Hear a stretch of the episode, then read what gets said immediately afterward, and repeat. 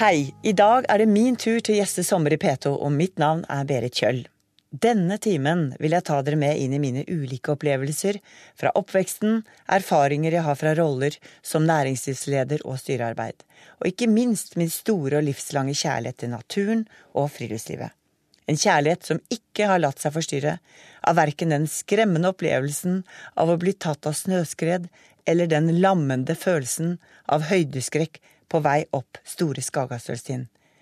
Jeg skal også fortelle hvorfor jeg ikke klarer å gå forbi søppel uten å plukke det opp. Jeg har mye på hjertet, så stram lissene. Men før jeg setter i gang, vil jeg gjerne spille melodien som gjør meg glad, og gjør at jeg retter meg litt ekstra opp i ryggen og tenker at det er befriende deilig med sommer. Min mor og far, begge fra solid bondeslekt i Vestfold, startet som så mange andre på den tiden med to tomme hender og kjøpte et gårdsbruk på Rygland i Borre. De var meget arbeidsomme og produktive, pusset opp gården, fødte min eldre bror, meg selv og min yngre søster i løpet av tre år. Kuer skulle melkes, griser skulle fôres, korn skulle skurtreskes, og jeg husker vagt at min mamma Inge Hanne bandt oss ungene bak på traktoren for at hun skulle få unna pløying og harvingen uten å bli for mye heftet av oss tre rakkerungene.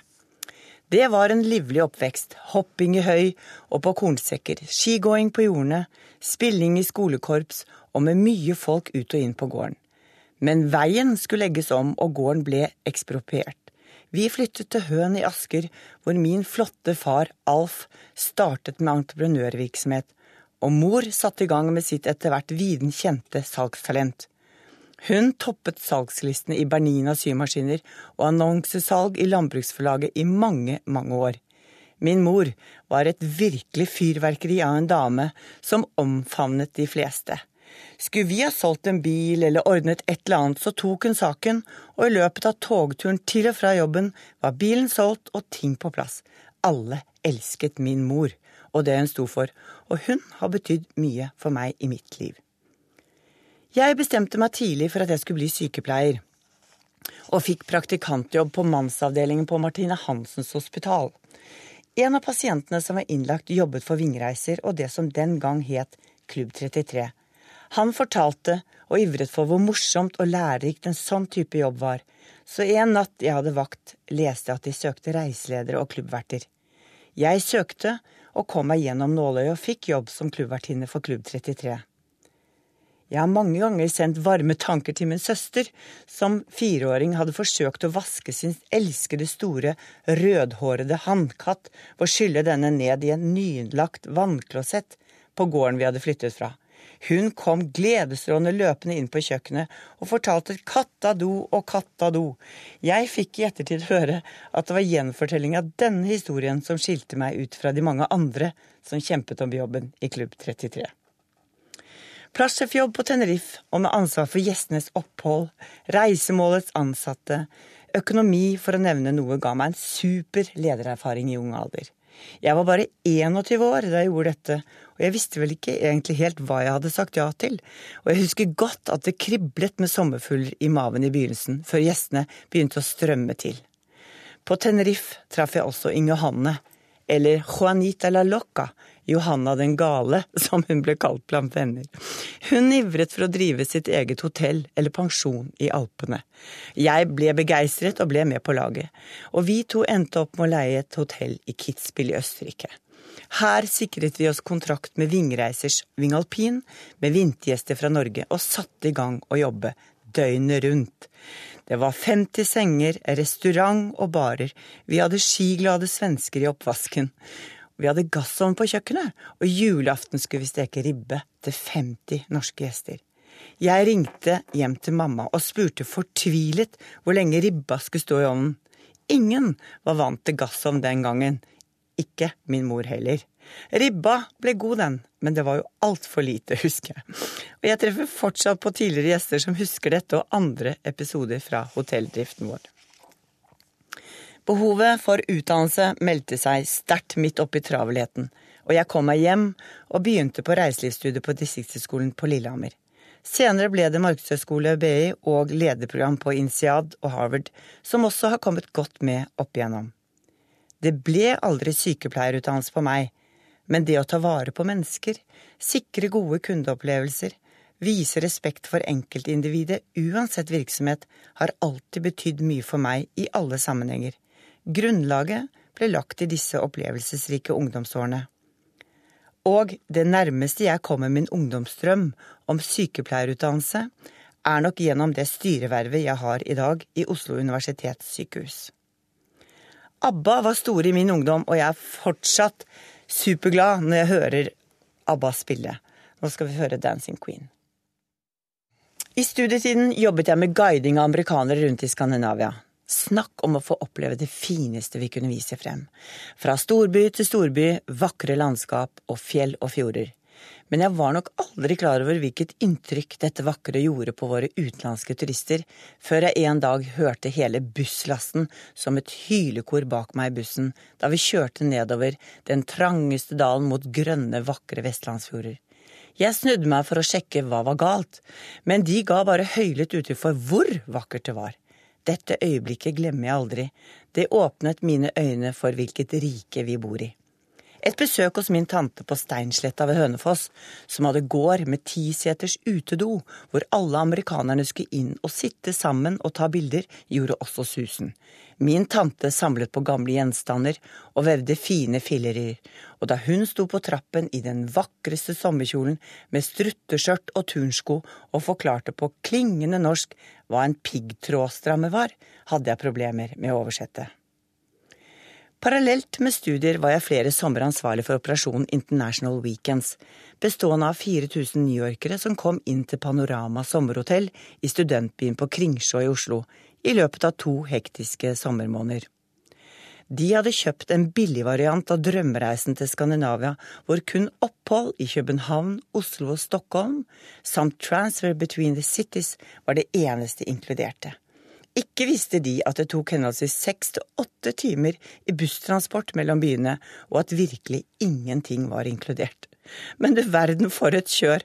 På deres opphold her i Oslo, hvor de tilbrakte fire dager, solgte vi flere tusen todagers fjordturer, sightseeingturer, støvsugde markedet for guider, leide busser, booket ferger og bestilte hotell. Dette skjedde i regien av en nyetablert asiatisk turoperatør som heter Tumlare, som også ble min arbeidsgiver da jeg etter endte studier etablerte kontor for dem på Manhattan i New York. Her var jobben min å selge Skandinavia som reisemål til amerikanske turoperatører, og jeg reiste på kryss og tvers i USA, og det spørs om ikke min mors salgsgen hadde gått i arv her, ja. Jeg oppdaget jo fort at New York Marathon var noe man burde delta på da jeg bodde i New York. Grunnformen min var helt ok, men jeg var ikke i spesielt god løpeform, og i tillegg hadde jeg allerede den gang knær som knirket etter aktiv håndballspilling i Asker i ungdommen. Men jeg gjennomførte på en for meg respektabel tid. Mine venner som skulle stå langs løypa og heie på meg, så meg aldri komme. De gikk slukøret hjem og lurte på hvor jeg ble av. Gleden var stor da de så meg bli intervjuet på CNN, riktignok som en av de siste som kom i mål i mørket. Jeg har mange ganger tenkt tilbake på hvor flott det var å sende meg i en alder av 26 år til New York. Det var en fantastisk tid. Beinhard læring og verdifulle vennskap som jeg fortsatt er så heldig å dyrke på mine hyppige besøk. Hver morgen i denne byen starter rett ut av sengen med en morgentur i frodige Central Park. Fuglekvitter og folkeliv i alle varianter i den grønneste oasen med fine innsjøer midt iblant høye skyskrapere. Den opplevelsen gjør inntrykk og gjør at min favorittby alltid kommer til å være New York.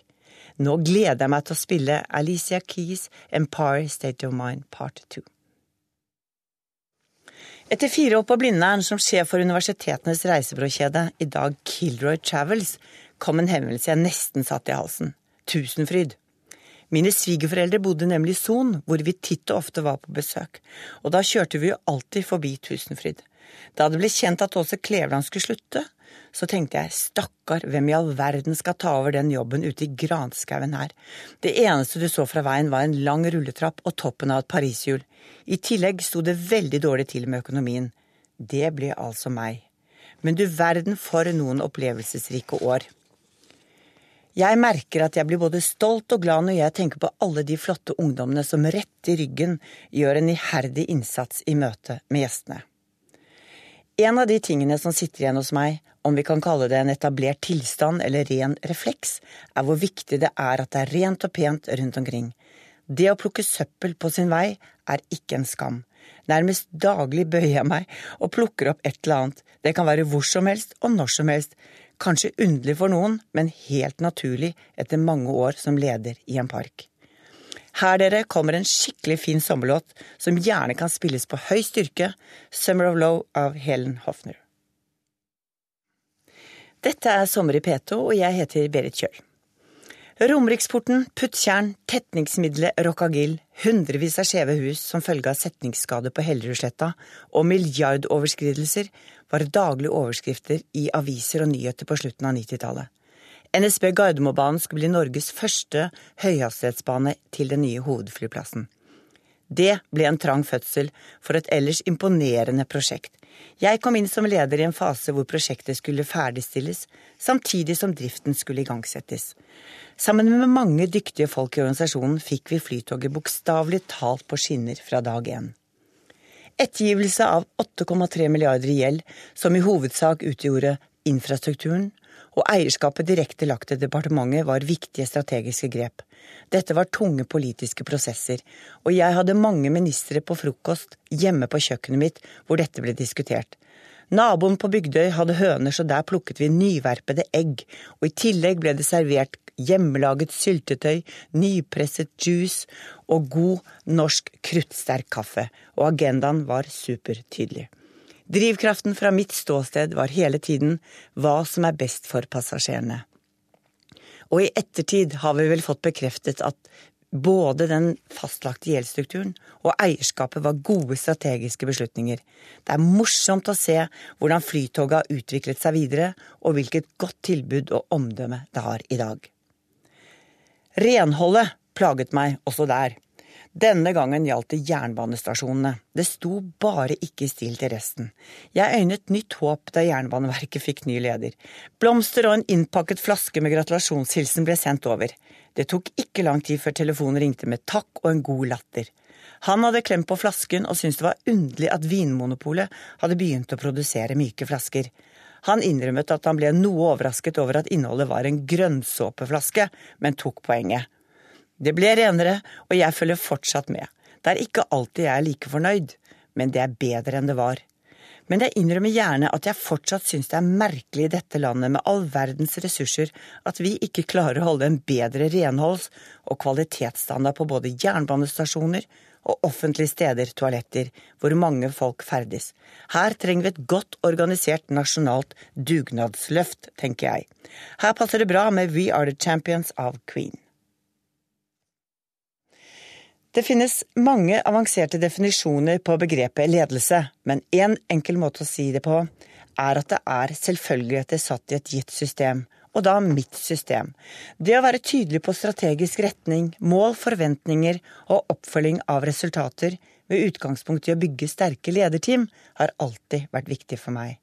Vi ønsker jo alle å bli sett, føle at vi gjør en god jobb, og føle tilhørighet til der hvor man jobber. Jeg kan vel definere meg selv som en leder som rett og slett liker å ta tak i ting og skape resultater og stolthet sammen med andre. Telekom er garantert en av de industriene som har hurtigst endringstakt. Det er imponerende å se hvilke resultater bl.a. Telenor leverer med sin operasjon i 13 markeder. Selv var jeg med på fire år i Telenor med ansvar for mobil, bredbånd og fasttelefoni til det norske personmarkedet. Dette var også inngangen til det selskapet jeg jobber i nå, som heter Huawei, med hovedkontor i Shenzhen, Kina. For fem år siden hadde jeg 110 000 kollegaer, og i dag har dette økt til tett opp til 180 000, med en gjennomsnittsalder på 29 år. Vi opererer i 170 land og er den ledende teknologileverandøren til telekomindustrien. Hver dag ringer en tredjedel av jordens befolkning på Huawei-utstyr. Hvis du lurer på hvordan navnet skal uttales riktig, kan du bare gå inn på YouTube og slå opp på Huawei. Her er det rikelig med morsomme varianter. Jeg får ofte spørsmål hvordan det er å jobbe for et kinesisk privateid selskap, og da er svaret mitt at det er interessant, annerledes og motiverende å jobbe med utrolig dedikerte, foroverlente og hyggelige kollegaer fra alle verdens hjørner. Jeg klarer ikke helt å venne meg til om at de ligger med hodet på pulten og tar en liten blund midt på dagen, men ellers går det bra. Jeg må kanskje dele en annen morsom opplevelse jeg ikke glemmer. Første året jeg jobbet der, skulle det sendes ut en invitasjon til et førjulsarrangement. Der ble det invitert til galla med dress code. Please dress sexy. Jeg foreslo en bitte liten endring i den teksten, men det viste jo bare hvor forskjellige vi er. Tanken var jo den aller beste, men ikke så norsk, for å si det sånn. En av mine favorittartister er Bruce Springsteen. Jeg tror jeg har vært på alle hans konserter her til lands, og her kommer han med Dancing in the Dark. En fin kombinasjon til de ulike lederjobbene mine har vært å ha to-tre styreverv parallelt. Jeg har sittet i styrer i selskaper som for eksempel SAS, DNB og Hurtigruten. Dette har vært givende på den måten at jeg har kunnet bidra fra mitt ståsted med erfaring, og samtidig hentet med meg mye nyttig inn i de ulike selskapene jeg har jobbet i. Da kvotering av kvinner inn i styret ble lansert, var jeg sterkt imot dette. Jeg husker godt jeg deltok i debatt med Jens Stoltenberg 8. mars, samme kveld det ble lansert i både TV 2 og NRK. Og jeg fikk sitte på med ham i statsministerbilen fra det ene TV-studioet til det andre. Så selv om vi var helt uenige i sak, så var det hyggelig gjort. Jeg satt jo allerede den gang i flere styrer og opplevde at det å bli kvotert inn på grunn av kjønn ble spesielt. Men dette har ubetinget bidratt til å få frem svært mange dyktige kvinner. Vi har også en viktig jobb å gjøre i forhold til å få frem flere kvinnelige ledere og toppledere. Men menn må også ville få frem flere kvinner. Det er jo motiverende å være operativ leder, og det å ha tung operasjonell erfaring kommer godt med i styresammenheng. Vi er forhåpentligvis på god vei til at det blir like naturlig å rekruttere kvinner som menn til topplederstillinger, men her må vi alle ville og ta et ansvar for å få dette til, og jeg synes også vi kvinner iblant sutrer kanskje mer enn nødvendig. Vi må selv ville og tørre. I våres var jeg på konsert med en dame som begeistret 15 000 fan på Telenor Arena med sin vakre røst og utrolige utstråling. Her kommer Adele med sin Hello. Er det noe som har betydd mye for meg opp gjennom livet, så er det snart mine tre tiår i ulike roller som tillitsvalgt i Den norske turistforening, hvor jeg nå er styreleder. Det er mulig jeg er ørlite grann inhabil når jeg sier jeg tror noe av det fineste man kan bruke fritiden på, er friluftsliv og naturopplevelser. Dette er en viktig del av norsk kulturarv og vår identitet, og som har stor betydning for livskvalitet og folkehelse. Samtidig jobber vi hardt for å ta vare på naturen slik den er i dag, for å kunne gi den videre til våre kommende generasjoner i så god forfatning som mulig. Dette er ikke så lett. Det er et faktum at Norge gror igjen hvis du ser på utviklingen i et hundreårsperspektiv. Og vi ser grove, alvorlige inngrep i naturen og kortsiktighet som preger mange politiske, populistiske beslutninger. Dette er det vanskelig å reversere. Vi lever i et så unikt land med så unik natur som betyr så mye for så mange, at det å vektlegge betydningen av å ta vare på denne felles ressursen, som den norske naturen er, burde vært langt større enn det vi har sett de siste årene. Det å ferdes i naturen er magisk, sa dronning Sonja på turkonferansen DNT arrangerte i fjor høst. For meg gjelder dette enten jeg går en tur i fjellet, i skogen, er på ski eller er ute i seilbåten. Det gjør noe med meg. Naturen med sine fire kontrastfylte årstider inviterer oss alle til å bruke den på mange forskjellige måter. Bare det å sitte på en stein med kaffekoppen og se hundene løpe, eller padle en tidlig morgen på helt blikk stille vann, gir en fin ro hvor tanker kan sorteres, uvesentligheter forsvinner, og sinnet blir fylt med positiv energi. Og med tanke på alle de samfunnsutfordringene vi står overfor i dag her i Norge, så mener jeg at friluftslivet er svaret på mange av disse. Ved å få flere i aktivitet bedrer vi folkehelsen og reduserer helseutgiftene. Vi reduserer psykiske problemer og stillesitting hos ungdommen, og det er en suveren måte å integrere nye nordmenn på. I tillegg til at det gir folk generelt et bedre liv uten at det koster vesentlig mer penger. Naturen opplever jeg som et fristed, rett og slett. hvor det helt enkle er en viktig og fin motvekt til det hektiske, hurtige og tilrettelagte samfunnet vi lever i.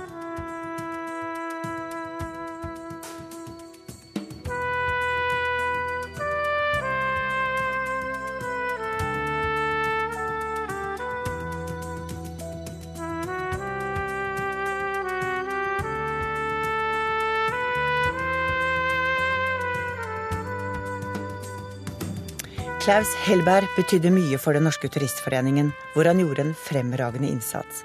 I tillegg til å være sjefsinspektør og selvbetjeningshyttenes far, var han også kjent som dronningens turleder i mange år. En tidlig høst tillot jeg meg å spørre ham om han kunne tenke seg å være turleder for meg og mine venninner på en vintertur. Ja, dette måtte han tenke godt over, sa han. Du vet det, Berit, at jeg er snart 80 år i beina, men bare 20 i huet. Og den kombinasjonen er ikke alltid like bra når du legger ut på vinterturer i fjellet. Men vi avtalte en lunsj før jul samme året, og da lunsjen inntraff, hadde han allerede planlagt en fin tredagers helgetur i telemarkstraktene. I flere år etter dette fikk vi noen fine turer sammen med ham, hvor han lærte oss mye fjellvett og forskjell på byspor og skispor, samt det å sette pris på stillheten i fjellet. Vi hadde hørt at når man er på tur med Klaus, så snakker man ikke. Dette var litt underlig, og absolutt ikke så helt lett for mange sportsdamer på rekke i et skispor i tre–fire dager. Men ble det for mye skravling i rekkene, stanset han opp, og det ble helt stille. Vi hadde utrolig respekt for denne lavmælte, flotte mannen med en fin, lun humor, og som kjente fjellet bedre enn noen. Han gikk først i rekka i et rolig og fint tempo. Etter at Klaus gikk bort, så har Klaus Hellberturen fortsatt, og vi er i dag mellom 15 til 25 skijenter, eller smådronninger, som han kalte oss med stor humor, ute på en gnistrende fin vintertur hvert år. Og noe av det vi setter størst pris på og klarer med glans, er nettopp den gode opplevelsen av ferdes i fjellheim etter fjellheim og nyte vakker natur, hvite vidder og stillheten. Jeg heter Berit Kjøll og er gjest i Sommer i P2. En av de tingene jeg virkelig har slitt med opp igjennom, er høydeskrekk. Den ble nok utløst av at jeg ble tatt til snøras i Kitzbühel en gang jeg var der, 25 år gammel, og uvørent kjørte ulovlig utenfor løypene. Plutselig hørte jeg drønn, og snømassene under meg beveget seg i full hastighet. Vi var tre, og jeg kjørte i midten. Jeg ble tatt i raset og gikk med i dragsuget, mens mine to svenske skivenner klarte å kjøre ut på hver sin side. Jeg husker jeg hadde to tanker i hodet, rulle meg sammen som en ball, men også, underlig nok, ha armen høyt så jeg kunne bli funnet. Fort. Det siste reddet meg. Da raset stilnet og jeg lå ubevegelig begravd av tung sne, så så mine skivenner tuppen på votten min stikke opp. Jeg var utrolig heldig og ble gravd ut etter rask tid. Vi karret oss ned til bygda, sjokkskadet, kald og skjelven på én ski og uten staver for mitt vedkommende.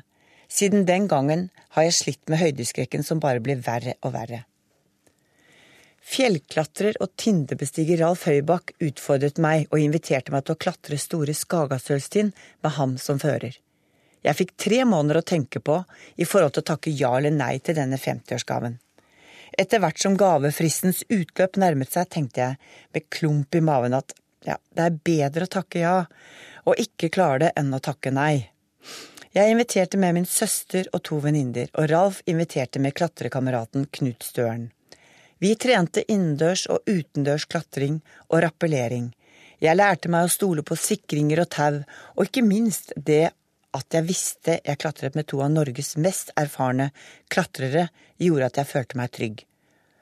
Til topps kom vi, Verre var det når vi skulle ned. Jeg glemmer aldri jeg satt på hylla og vi skulle rappellere ned. Jeg skulle ut først, og det var bare plass til Ralf og meg på den hylla. Ralf gjorde alt klart, og da var det bare å gå baklengs ut i intet. Det fine med å rappellere er at du som regel har fjellet å trå imot, men her var det et realt overheng. Og jeg husker jeg så fortvilet opp på Ralf og sa at dette går simpelthen ikke. Hvorpå han sa på sin rolige måte, Jeg har god tid jeg, Berit. Vel, ned kom jeg, og stolte var vi om kvelden på Turtagrø da vi hadde lagt oss, og vi hører gjennom pappveggen at en yngre guttegjeng hadde sett oss underveis, og de konkluderte med at når de damene hadde kommet opp, så skulle vel de klare det også. Vi tok det som et kompliment, for ikke alle i det turfølget hadde nådd toppen samme dag. Hvis du skal kunne betegne deg selv som Tindebestiger, så må du ha klatret Stetin og Romsdalshorn i tillegg, sier Ralf muntert neste morgen. Ikke tale om, tenkte jeg den gangen. Men siden har det blitt både Stetin og to ganger Romsdalshorn. Fantastiske, flotte fjell og turer som jeg ikke ville vært foruten. Høydeskrekken er nesten borte, og det er en veldig god følelse.